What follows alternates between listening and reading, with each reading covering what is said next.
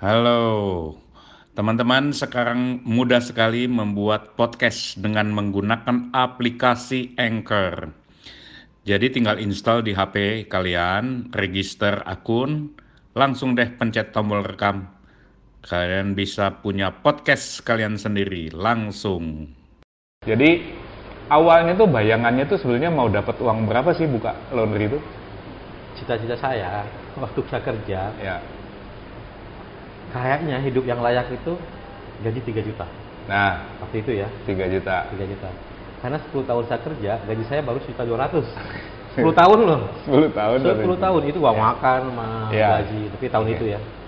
Saya lihat 3 juta kayaknya pas banget, layak banget. Ya. Dan 10 tahun saya tidak bisa mendapatkan 3 juta. 3 itu. juta. Ya. oke. Jadi cita-cita saya di usaha itu hanya 3 juta Oke. awalnya. Jadi pokoknya kalau usaha dapat 3 juta Wah. net itu udah bahagia rasanya udah. Ya, pokoknya udah udah wah banget lah, dunia udah punya kita lah. Nggak mulu-mulu sih 3 juta gitu. Nah, itu tercapainya dalam berapa lama? Bulan ke-6. Bulan ke-6 sudah tercapai ya. Iya,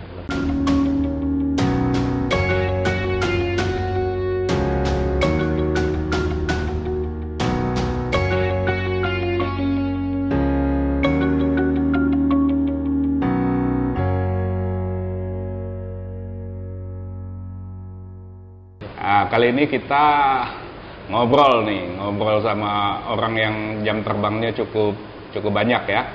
Kita ngobrol soal laundry, dia membangun laundrynya dari nol ya. Saya suka tuh yang dari nol dari nol ya. Nah, di depan saya sudah ada Uda Anton, Uda Anton ya. Ya, Namanya Uda ya. Orang awak lah ya. Gitu. Payakumbuh, Payakumbuh. Payakumbuh. Nah, Payakumbuh belajarnya dulu di STM. STM jurusan apa? Nah, Saya teknik pengerjaan logam, mesin produksi subuninya di STM Negeri Payakumbuh, STM Negeri 1 Payakumbuh. ah, Sekarang namanya udah SMK berapa ya? oh SMK Jadi sekarang ya, SMK. udah hilang ya nama itu. Jadi itulah eh, bekal pendidikan itu terus nekat merantau ke Jakarta. Betul ya? Ya, betul Pak. Apa yang bikin ke Jakarta? Kenapa nggak ke Medan, apa ke Batam, apa? Ibu sebetulnya orang Rangkas. Rangkas Nah, Bitung? Iya. Oh, oke. Bapak orang Payakumbuh. Oh, oke. Jadi dari kecil itu saya udah sering dengar dari ibu Ya, ya tentang keluarga-keluarga yang ada di Jakarta. oke. Walaupun saya belum pernah ketemu dan nggak tahu juga. Jadi Hmm. kalau ada apa-apa nantinya pun saya masih ada cadangan, ada keluarga juga yang di Jakarta. Hmm. Seperti itu. Walaupun teman-teman banyak yang ngajak ke Batam, Riau, Hmm. dari daerah Kaltek. Udah ini kan anak kedua ya? Sana kedua Pak. Yang pertama laki atau perempuan? Laki-laki. Laki. Ke mana dia? Sekarang kita ngumpul Jakarta semua. Oh, sekarang di Jakarta. Enggak, mana duluan? Yang bareng, ke Jakarta. bareng. Oh, saya, saya, saya tadinya mau sendiri. Mm-mm. Sebelumnya abang saya pernah ke Jakarta. Sebelumnya pernah ke Jakarta. Cuma enam bulan pulang. Hmm. Habis saya lulus sekolah, sempat kerja sebentar di kampung. Saya mau ke Jakarta sendiri Hmm. tadinya. Mau ngotot sendiri, karena ada bekal juga di kampung, ada beberapa ilmu yang saya dapatin. Abang saya ini ngelarang, kamu nggak bakalan bisa ke Jakarta sendiri. Jakarta itu tidak seperti apa yang kamu bayangkan. Ah, ya. saya ngotot, enggak, saya berani, saya bisa sendiri. Orang tua sih ngizinin. Abang saya yang tidak ngizinin. Tungguin saya, saya ada kerjaan. Ah. Tungguin saya sebentar, selesai pekerjaan ini saya temanin kamu Jakarta. Hmm. Akhirnya bareng sama dia Ke Jakarta. ke Jakarta. Dan nyampe Jakarta juga tidak seperti yang pas saya bayangkan. Kaget juga, wih Ah. jalanannya kok gede banget. Ini nyebrangnya gimana caranya? yang gampang-gampangnya aja yang dijual banyak. Ada ada uang di saku berapa itu ke Jakarta waktu itu? Masih ingat nggak? Ya lupa pak. Kalau nggak salah ya Tahun 2000 kan? 2000 pak. Ah. Mungkin paling banyak satu juta lah. Sejuta ya. Paling banyak satu juta. Tahun 2000. Uang sejuta merantau ke Jakarta. Nah, terus nggak langsung ke laundry kan? Oh enggak. Wah, terus ngapain itu? Ya cari teman-teman yang dari satu daerah. Ah. Ada beberapa orang yang jualan kaki lima ya. Jual stiker, jual. Hmm. Kita numpang. Saya numpang di tempat-tempat mereka. Ah. Jangan mereka ngekos. Numpang di sini tiga hari, tiga hari. Biasanya kalau udah lebih tiga hari udah diusir sama Iya. ibu kosnya. Udah pindah-pindah aja. Sambil jualan stiker, jualan stiker yang dipakai Di lapak itu Ya di lapak, Ah. di lapak. Dulu berapa ya? Modal 100 dijual eh, 4.000 jadi 250 dijualnya Ah. ya awal-awalnya di situ terus coba main di pasar malam dagang di pasar malam Hmm. Nah, akhirnya kerja karena duitnya udah habis saya pilih cari kerjaan Ah. Eh, abang saya terusin yang dijual di pasar malam Hmm. karena udah kemakan mau kemakan modal saya cari kerja deh salah satu harus harus cari kerja saya mulai kerja di situ Ah. abang nerusin akhirnya di pasar malam juga habis Hmm. modalnya habis semua lah Eh, Jadi mulai- kerja itu langsung dapat eh, Iya. nyopir itu. iya Hmm. saya kerja nyupir Eh, awalnya disuruh di gudang pak di gudang Oh iya, ngingetin lagi nih. Bikin podcast kayak gini mudah banget ya. Pakai aplikasi Anchor, langsung connect ke Spotify, gampang banget. Oke, kita lanjut lagi. ngecek ngecek barang saya saya nggak bisa kerja di belakang meja ya Ah, Oke. apalagi angka-angka angka walaupun saya suka matematika suka ini tapi kerja di monoton itu nggak suka satu waktu ya supir dari tempat saya kerja itu lagi nggak masuk Hmm. ada pengiriman udah saya kirim udah saya kirim emang bisa bawa mobil di kampung pernah bisa Hmm. di sini nggak tahu lah coba aja bos saya bilang satu aja kamu nggak boleh nabrak orang Ah. kalau kena tilang nggak masalah saya nggak punya sim waktu itu Ya. kalau pokoknya nggak jangan nabrak orang aja Ya. ya oke saya jalan ya pertama kali nyetir pulang-pulang itu spionnya patah kedua jalan lagi rit kedua eh, lampu sennya yang pecah Ah. tapi bos nggak marah Ya Apa? karena belum biasa aja itu ya. ya di kampung jalannya kan besar pak Iya. di sini sempit ganggang nah dari situ saya minta kan bos mau nyari supir pengganti saya minta kalau bisa jangan carinya itu di gudang aja Hmm. biar saya yang nyupir aja karena saya lebih bisa leluasa kan biar tahu jalan juga di Jakarta. Oke. terus enggak, enggak pekerjaannya nggak monoton lah. Maksud saya bisa pemandangannya beda-beda. Hmm. di situ pak mulainya.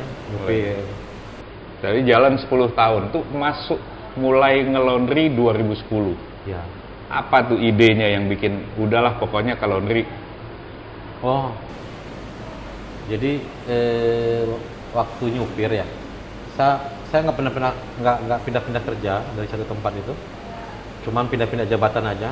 Hmm. dari supir mobil L300 ke engkel ke engkel yang ini akhirnya ke pribadi. Oke.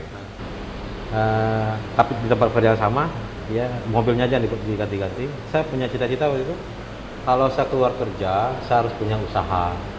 Hmm. dan kapan waktunya ketika saya selesaikan dulu sekolah adik-adik. Waktu itu juga bantu sekolah adik-adik. Nah habis saya nikah 2009 akhir oke ini waktunya saya bikin usaha gitu loh. nah saya sortir lah apa usaha apa yang mau saya bikin Hmm. saya bikin pak list ada ratusan kali pak Hmm.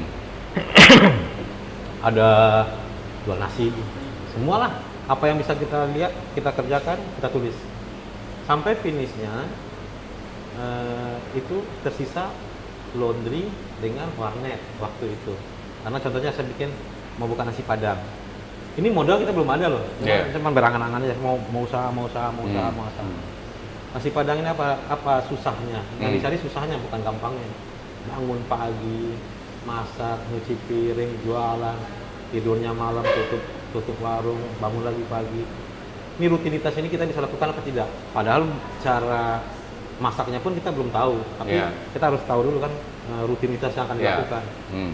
Oh kayaknya saya nggak bakalan sanggup dan nyerah deh ini. Nah itu semua coret. Terus eh, apalagi dicoret lagi coret lagi. Sampai finishnya tersisa itu Sisa ya, dua. dua itu laundry sama warnet. Nah akhirnya warnet saya pilih yang awal awalnya pak.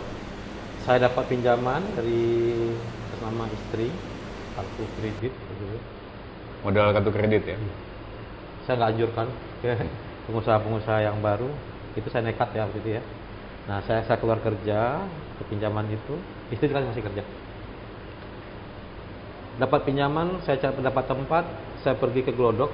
Uh, ada ada satu orang teman yang udah sukses juga di bisnis warnet. Terus saya mau beli sebuah perangkatnya. Waktu itu dia juga beli perangkat baru juga. Hmm. nah di sini nih akhirnya saya batalin buat warnet. Kenapa kamu beli perangkat lagi? Ternyata di warnet itu ada masanya. Jadi Hmm. komputer yang ini eh, sekarang generasinya harus begini harus dirubah lagi Kada luar salah Iya, ya. Harus di-upgrade terus, di-upgrade. terus. Ini kan secara bisnis ada perhitungan baru dong. Ya. Harus ada permajaan. Nah, saya nggak hitung yang seperti ini. Hmm. Wah, ini ntar dulu nih, saya salah ini. Sepikiran saya warnet ini bikin sekali udah selamanya. Ternyata Jadi udah menit terakhir tuh ya. Iya, saya udah bawa uang ke, ke Mangga Dua dulu ya. Hmm. Mangga Dua. Wah, tar dulu, saya tahan dulu.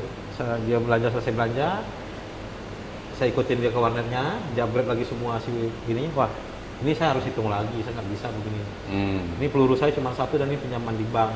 Hmm. Harus hati-hati, kalau enggak di penjara saya ini kan gitu. Jadi Hmm. enggak meminimalkan semua risiko. Hmm. Tinggal terakhir itu laundry. Saya, saya lihat 2010 kan laundry juga belum begitu banyak Ya.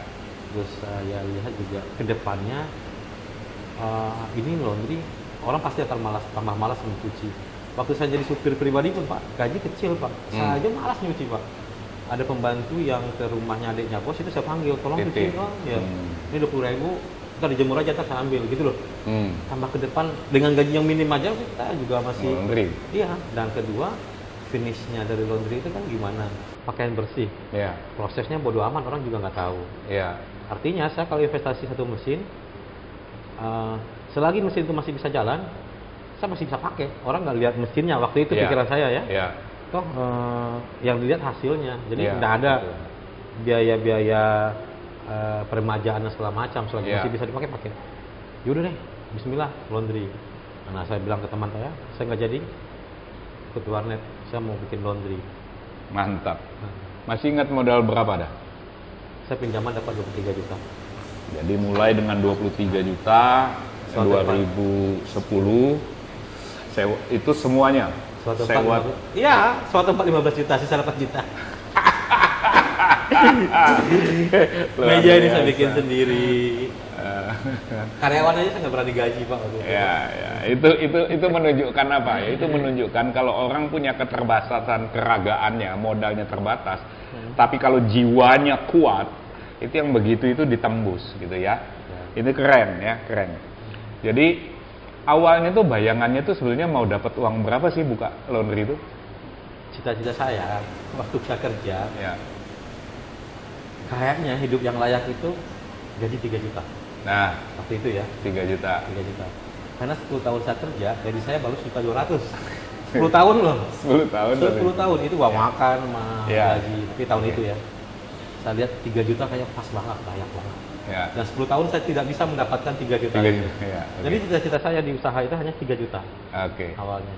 Jadi pokoknya kalau usaha dapat 3 juta Wah. net itu udah bahagia rasanya udah. Ya, pokoknya udah udah wah banget lah. Dunia udah punya kita lah. Enggak mulu-mulu sih 3 juta gitu. Nah, itu tercapainya dalam berapa lama? Bulan ke-6. Bulan ke-6 sudah tercapai ya. Iya. Bulan ke-6. Bulan ke-6. Uh, Is- Istri udah hamil belum tuh? Hamil anak kedua, Pak. Oh, udah anak kedua tuh ya? Mama, Ya. mama, mama. Anak pertama, Pak. Anak pertama. Ah. 2009 kan menikahnya. belum, belum, belum, Pak. 2009, 2010. Ya, baru hamil lah. Baru Iya. hamil lah. Ya, ya, anak saya pertama itu 2011 uh, Januari. Lahirnya. Saya bukanya itu bulan 3 bulan 4. Nah, kan belum belum hamil kayaknya. Hmm. Belum hamil, belum hamil, Belum hamil, ya. belum hamil lah. Lupa lah itu, Pak. Iya, iya, iya. iya. Pokoknya ya, Oke. ya, ya, ya. Ya. Baik. Nah, kemudian dengan dengan cara itu waktu itu mulainya di outlet yang mana itu? Radio dalam masih ada sampai sekarang. Sampai sekarang masih ada. Ada. Pakai nama apa? Sosa, Sosa Laundry. Sosa Laundry. Sosa. Ya. Sosa Eh. itu apa sih? Jadi saya ingat di kampung Hmm. itu bahasa tradisional di daerah saya. Tradisional- Payakumbuh. Hmm. Tapi bukan seluruh Payakumbuh juga, di desa tertentunya juga. Oke. Dan bahasa itu udah enggak enggak Udah. kedengaran sekarang. Udah bahasa lama ya. Bahasa lama. Waktu kecil-kecil kan nyucinya di kali. Nah, Itu bah ya sosa itu nyuci lah. iya. Udah kamu sosa pakaianmu. Udah di sosa belum pakaiannya? Udah di sosa, udah cuci Ah, belum? Oke. sekarang ada beda nggak dengar Iya. kayaknya juga kata-katanya unik tulisannya Iya. juga unik dan ada memori di situ Iya, iya, iya. saya ingat di kali nyuci Iya. tiap hari minggu gitu jadi saya pakai nama itu Jadi mulainya 2010 23 juta. Tekadnya kuat, modal sewa tempat 15 juta. Keren ya. Nah, ini kalau ngeloncat gitu sekarang Sosa itu coba ceritakan tentang Sosa sudah jadi seperti apa sekarang? Ah, saya Sosa itu sampai punya karyawan sampai 40. 40 sekarang. Uh, nggak Ad- sampai, sekarang kemarin Oh. dikurang lagi. Nah, Eh, sempat ada di berapa titik? eh, totalnya itu belasan pak, Belasan. belasan. Ada 9, 14, 15 lah. Di Jakarta? Eh, di daerah itu ada empat, sisanya Jakarta. Jakarta dan Jabodetabek. Ya. Terus saya dengar kemarin waktu pandemi sempat tutup dua. Iya. Itu apa itu? Apa yang bisa bikin tutup gitu sih? Oh, jam terbang ada, pengalaman banyak, secara teknis kuat, Iya. dukungannya. Itu kenapa itu kira-kira? Saya ngelihat ini pak, eh, kita rasional aja ya. Ya. Ya itu itu cabang kedua saya, cabang ketiga. Oke. Yang salah satu itu lama sekali tempatnya. Hmm. Saya melihat itu ada di tempat Tanah Abang, Tanah Hmm. Abang. Yang saya lihat titik yang banyak pendatang ini pandemi ya, itu semua kosong. Karena orang pulang, hilang orang lah. pulang, Ya. Hmm. orang hilang. Yang ada di sekitar itu adalah orang-orang kos pekerja, Mm-mm. pekerja kantoran dari Sudirman ataupun dari Tanah Abang. Hmm. Penduduk aslinya sedikit. Hmm. Pasar saya adalah pendatang. Hmm. Nah, ini hilang semua nih, pasarnya hilang semua. Hmm. Pos- Dan nggak tahu kapan akan balik. Ya, dan itu. Ini pandemi sampai kapan ya? Nah. Ini baru mulai pandemi loh. Hmm. Mungkin saya rasa melihat dari zaman-zaman krisis dulu ya, uh, bisa butuh dua tiga tahun Ya. untuk bisa normal lagi. Ya oke deh, yang ini kita tutup, Hmm. kita cari plan yang lain. Hmm. Uh, akhirnya kan yang itu ditutup, saya bukan Hmm. pesantren. Hmm. Ayo kita tutup ini, kita tutup ini. Cari terobosan lain. Ya kita cari terobosan lain yang kira-kira Ya. benar-benar pasarnya lebih terjaga. Hmm. Jadi kita tidak bisa mengandalkan pasar pendatang. Hmm. Ini harus yang ada menetap gitu loh. Atau penduduk asli atau di satu lingkungan yang orangnya menetap. Ya tutup atau dipindahkan lah mungkin bahasa ininya Hmm. ya. Dipindahkan Dulu dulu ada nggak pikiran begini? Oke, dalam sekian tahun Hmm. mesti punya sekian titik gitu untuk Sosa. awalnya ada pak. Ada. Awalnya ketika saya dapatin 3 juta, Ya. oh, ternyata sebentar ya, nggak butuh 10 tahun saya dapat 3 juta. Ya, Hanya butuh bulan. bulan. Ya namanya manusia pak, saya pengen 30 juta kan gitu. Oke. Larinya kencang ya. Iya. 10 kali. saya pengen 30 juta, Terus cara paling gampangnya apa? Buka 10 laundry kan gitu. ya satu laundry, logikanya gitu. Iya, satu laundry 3 juta. Akhirnya di tahun yang pertama itu juga saya bisa buka dua lagi. Oke. Dan ternyata rumusan saya salah. Salahnya Untuk mana? mendapatkan 30 juta itu tidak butuh 30 lo- 10 laundry. Nah, Ternyata laundry yang satu ini berkembang berkembang terus, malahan dia bisa marginnya sempat puncaknya itu hampir di 30 juta di satu titik yang itu aja. satu titik Iya. itu dapat profit netnya 30 juta. Sampai pernah puncaknya di segitu. Ah, Oke. Zaman Oh, itu ya. Iya, iya. Jadi sekarang mau banyak-banyakan atau mau profit-profitan kan gitu Iya, kan? iya. Kan nilai-nilai akhirnya profit yang saya cari. Iya, betul. Nah, nah berkembangnya itu akhirnya saya, saya tentukanlah, oke nggak perlu, perlu terlalu banyak, tetapi tempatnya harus ada standarnya, karena yang Oke. akan dikejar itu adalah profitnya. Oke. Nah, kalau gitu bisa nggak bagi sedikit soal bagaimana memilih tempat? Nah, Ya, lokasi itu kan penting ya. Elemen-elemen yang paling menentukan dalam laundry apa sih supaya dia bisa berhasil? ya titik tempat Titik itu, lokasi itu ya. lokasi, Artinya pasar ya. pasarnya. Pasar. Nah, kalau udah Anton ini. Katakanlah tiga hal yang diperhatikan kalau orang Ada. saran, Iya. saran apa? Ada, kita kan harus tahu dulu kita mau mainnya di, seperti apa Segmen. segmennya. Hmm. Kalau kita menjual skill, Hmm. itu menurut saya tempat bukan nomor satu kalau kita menjual skill contohnya contohnya misalkan kita ahli di cuci sepatu kah atau dicuci tas kah Oke. itu kan segmennya meluas pak luas pak Iya. kita mau main online orang kirim apa itu pun nggak ada masalah Oke. mau di rumah pun mau dalam gang pun itu tidak masalah tetapi itu adalah pekerjaan profesional Ya. artinya kalau kita harus benar-benar punya karyawan yang benar-benar ahli di bidang itu atau kita sendiri yang ahli Ya. dan kalau kita yang mengerjakan itu kita tidak bisa mana- mana-mana Ya. Dan terbatas lah terbatas harus pekerjaan profesional Oke. nah, yang saya mau kerjakan adalah saya mau bisa buka cabang-cabang-cabang tanpa saya harus terlalu ketat mengontrol Ya, eh, sama harus terikat di iya, sana, iya, iya, betul. rutin begitu ya. jadi eh, yang saya sasar orang sekitarnya Iya. Kap- eh, kapasitas orang di sekitar. Oke. Kapasitas orang sekitar. Contohnya gini ya, orang makan di warteg itu karena dia dekat. Saya Iya. lapar, ya. Tapi kalau orang pengen makan enak, dia akan cari restoran mana. Iya, ke mana pun dia bisa Ke mana pun pergi. dicari. Ya. Nah, saya mau bikin kelas wartegnya. Iya. Kelas warteg yang penting terjangkau sama orang di titik-titik tertentu. Yang pasarnya hanya radius sekitar mungkin 500 meter dari situ. Oke. Paling gampang adalah saya cari Alfa Indomaret. Oke. Karena berarti mereka udah punya data. Standar-standar aja ya. Terus oh ini jalur orang pulang kah atau jalur orang berangkat kah? Oke. Hmm, Poin-poinnya harus ada pembatas jalannya kah? Oke. Hal-hal yang simpel sih. Iya. Hal-hal yang simpel tapi Tapi itu menarik ya. Hmm. Jadi kita mau kalau butuh keahlian, butuh apa, butuh apa, orang ngejar cari. ya, Kayak ilustrasi makan tadi ya. iya, Tapi kalau untuk hal-hal yang sangat se- sehari-hari, iya. eh, kita harus lihat ya yang di sekitar kita. Iya. Berarti ada radius gitu yang harus Ada kita, radius. yang kita perhatikan. mungkin orang mau cuci kiloan dari jarak 10 kilo ke sana sengaja ngantarin cuci kilo. Iya. mungkin. Kecuali dia nyuci satuan. Iya. Nyuci jas, nyuci apa lain lagi. Iya, Terus, betul. itu Oke. titik itu yang harus diperhatikan dan Eh, Keren. Jadi kalau lihat ke depan Sosa Laundry akan akan jadi apa? Akan jadi macam apa ke depan di pikirannya Uda Anton? sekarang saya mulai ngikutin arus ngikutin zaman. Memang eh, tidak bisa dipungkirin ya. Ya. Kita dulu bermain di laundry kiloan, pelan-pelan muncul laundry poin. Terus pelan-pelan kita lihat segmen yang berbeda pesantren. Jadi Sosa Laundry yang tadinya laundry kiloan pun sekarang udah ada yang laundrynya laundry koin, ada Ah. laundry yang pakai QR, terus masuk juga ke pesantren. Oke. Jadi eh, saya pengen Sosa Laundry ini benar-benar bisa lebih bermanfaat minimal buat karyawannya, Pak. Ah, buat bisa mensejahterakan kebetulan karyawan saya juga udah lama-lama semua ya Aha. cukup lah buat mereka nggak- ada nggak eh, eh, pikiran misalnya mau dijadikan laundry, eh, eh, mau dijadikan laundry franchise atau oh, eh, oke model begitu? saya lagi lagi proses juga Ah, ada dua tempat yang saya coba di luar jangkauan saya Oke.